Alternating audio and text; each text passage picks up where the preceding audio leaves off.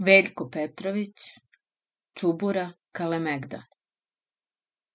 Čini se da je neko iz daleka vikao i mahao razapetim kišobranom, jer tramvaj tek što je pošao s početne čuburske stanice, opet zazvonca, škljocnu i stade.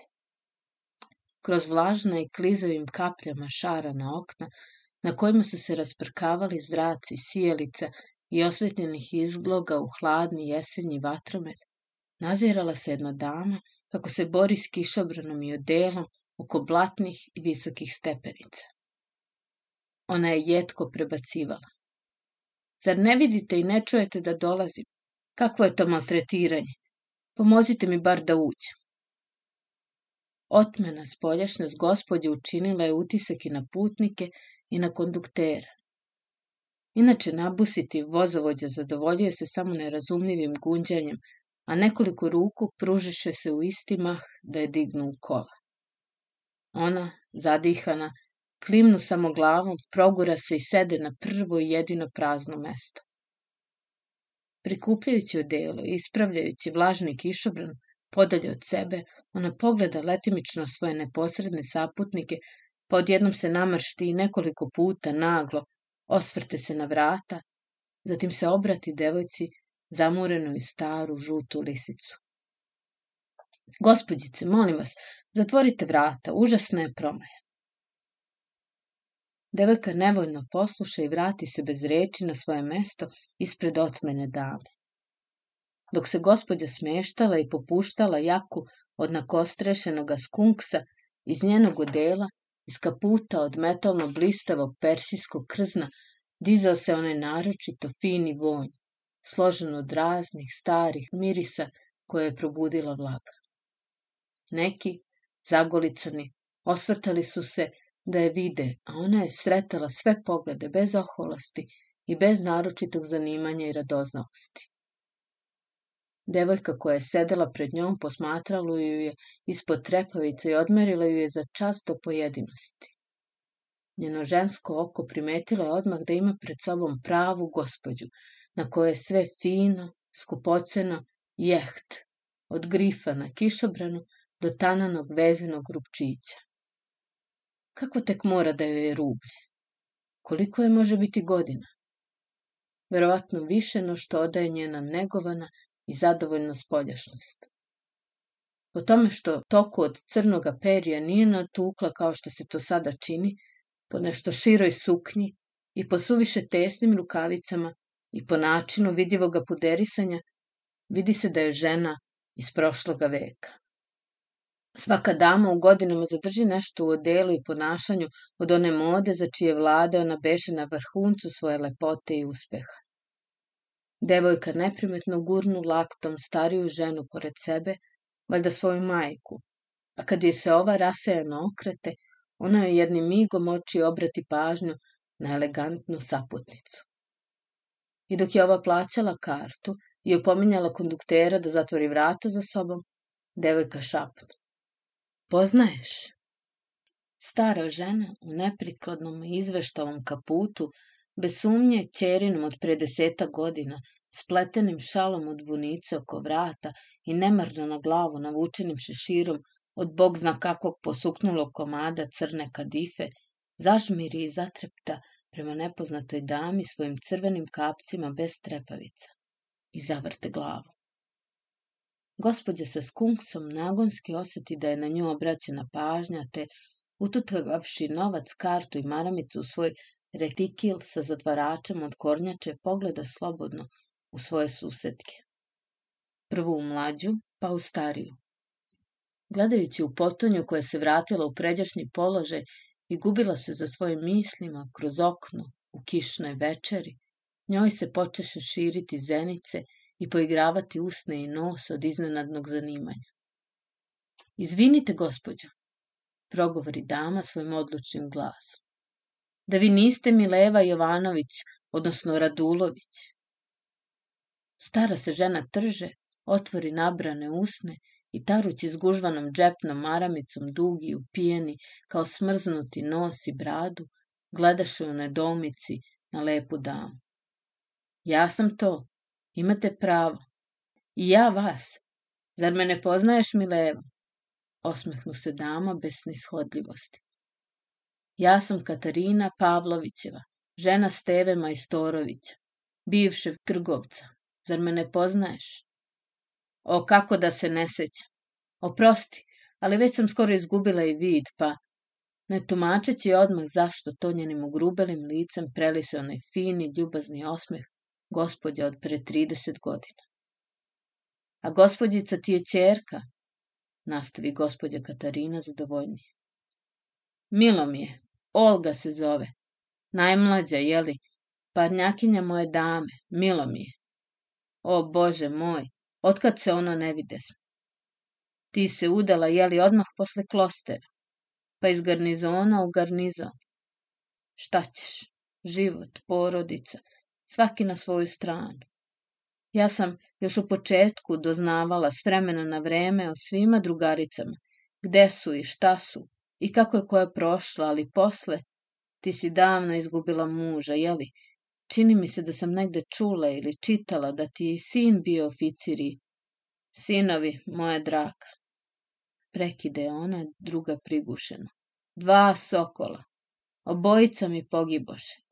Iza Pavla mi je ostalo dvoje unučića, jer i snaha mi umre za vreme okupacije. A moj dobri Ratko, umro mi je u Nišu od kolere 13. Ostala sam tako s ovim jednim detetom i s ovo dvoje mališana. Da nju nemam, ne znam kako bih tu decu prihvatila. Ovako, tu smo se skupili svi na Dušanovcu, pa šta da i govorim, možeš misliti kako mi je. Samo da mi je ona zdrava ali slaba mi je nešto. Sad je baš vodim do jedne ruskinje, doktorke. Znaš, naporan joj je rad, u zaštiti dece. E, pa ne smete se zapustiti, gospodjice. Tražite odsustvo, pa se odmorite negde na moru. Devojka senu ispod oka još dublje utonu u svoju lisicu. Lako je to reći. Nemojte tako. Vi ste sva današnja mlađarija užasno lakomisleni. Zdravlje je najpreče. Devojka se jedva uzdrža da se grubo ne obrecne, te ogorčeno okrete glavu u stranu i zagleda se tobože u pobočne prozore. Muka je to, Katarina draga. E, muka. Svako ima svoju muku. Eto, ja prosto ne znam sada kuda da se okrene. Imam prosto da izludim. Moj Miodrag je premešten pre dva meseca iz Sarajeva ovamo u generalštab. Jest, kakvi su to zakoni u ovoj zemlji ali se u našu kuću uselio za vreme Austrijanaca nekakav profesor, s našim pristankom, istina, da nam se ne bi rekviviralo. I sad, molim te, neće napolje. Da mu mi nađemo drugi stan, a moje dete da se potuca kojegde. Ne možemo se vada svi strpati one tri sobe, pa da jedno drugom na glavi ide. Užasno. Sve su mi stvari, diva namešta iz Italije, na tavanu i po podrumu. Ako ovo potraje, sve će izvesti miševi i prašina. On se zbio, siroto moje dete, tamo negde iza božih leđa, u nekakvu mutapovu ulicu. Nova je kuća, duše valja, ali to blato, gospode Bože. Ne možeš prići čestito, a danas kola držati. Nema se računa, draga moja. Nego, to je tek početak. Njegova devojčica, zlato od deteta, već brblja francuski kao prava parižanka, prosto da je pojedeš. Dobila opasnu anginu, pa je moramo poslati u Dubrovnik. Snaha mi je još uvek tamo s detetom. A Miodrag me sad neprestano goni da ja opet idemo na Teško mu je, kaže. A kako i ne bi, bez Milanke, s ostalom decom koje idu u školu. Znaš, i snaha mi je bila nešto slabunjava, pa sam ih ja odvela onam. Ja se ne plašim štrapaca, ali mi opet Olga očekuje za tri nedelje bebu. Kako nju da ostavim? Ne smem. A i ovaj najstariji, kao dete, bez mene kao uzet. Prosto da izludiš. A govorila sam im, čekajte još, deco, mladi ste. Niti su prilike, niti je Olga stala na snagu. I tako ti ja neprestano letim od jednog do drugog. Kao da se sve zaverilo protiv mene, sve na mene, a ja vučem, vučem, ne znam samo dokle ću. Gospođa Mileva je skupljala oči i trudila se da ni jednu reč, ni jedan trzaj ne propusti. Gledala je u svoju davnašnju drugaricu, u vazda nestašnu neostrašljivu Katarinu i čudila se. Ko bi mislio po njenom izgledu ovako, da to nije srećna i zadovoljna žena? A eto, iako je još uvek lepa, čini se da je ta seda kosa prema tim živim crnim očima još lepšom čini i ona ima svoje breme. Gospodji Milevi i ne pada na um da upoređuje sebe i svoje stradanje s njenim nevoljama. Ona nju pažljivo sluša, čak prati pokretima lica i usana neprestano titranje Katarininih promenjivih izraza i predisanja. Šteta što je takav jedan život nije lišen svih ljudskih mizerija. Pri pomenu bolesnoga deteta u Dubrovniku, gospođi Milevi se navodniše oči, a kada reč pade o skorom porođaju mlade i slabe žene, preko njenih kao vrećice opuštenih obraza, sinu izraz straha i saučešća. Na posledku, ona se maši za ruku uzbuđene drugarice iz mladosti stište je sestrinski. O, moja Katarina, ne boj se, Bog će biti milostiv prema tebi. Nemoj da gubiš prisustvo duha. Ah, Mileva, Nije on mene baš ni malo štedeo. Onaj stariji, Miodrago, već dva puta je na nozi. Pa kako da se smirim i da odanem? Kako? Užasno. O, Katarina, sirota moja Katarina, ja te razumem, ali milostivi Bog će. Gle, ja moram silaziti, a zbogom mi leva, zbogom mala.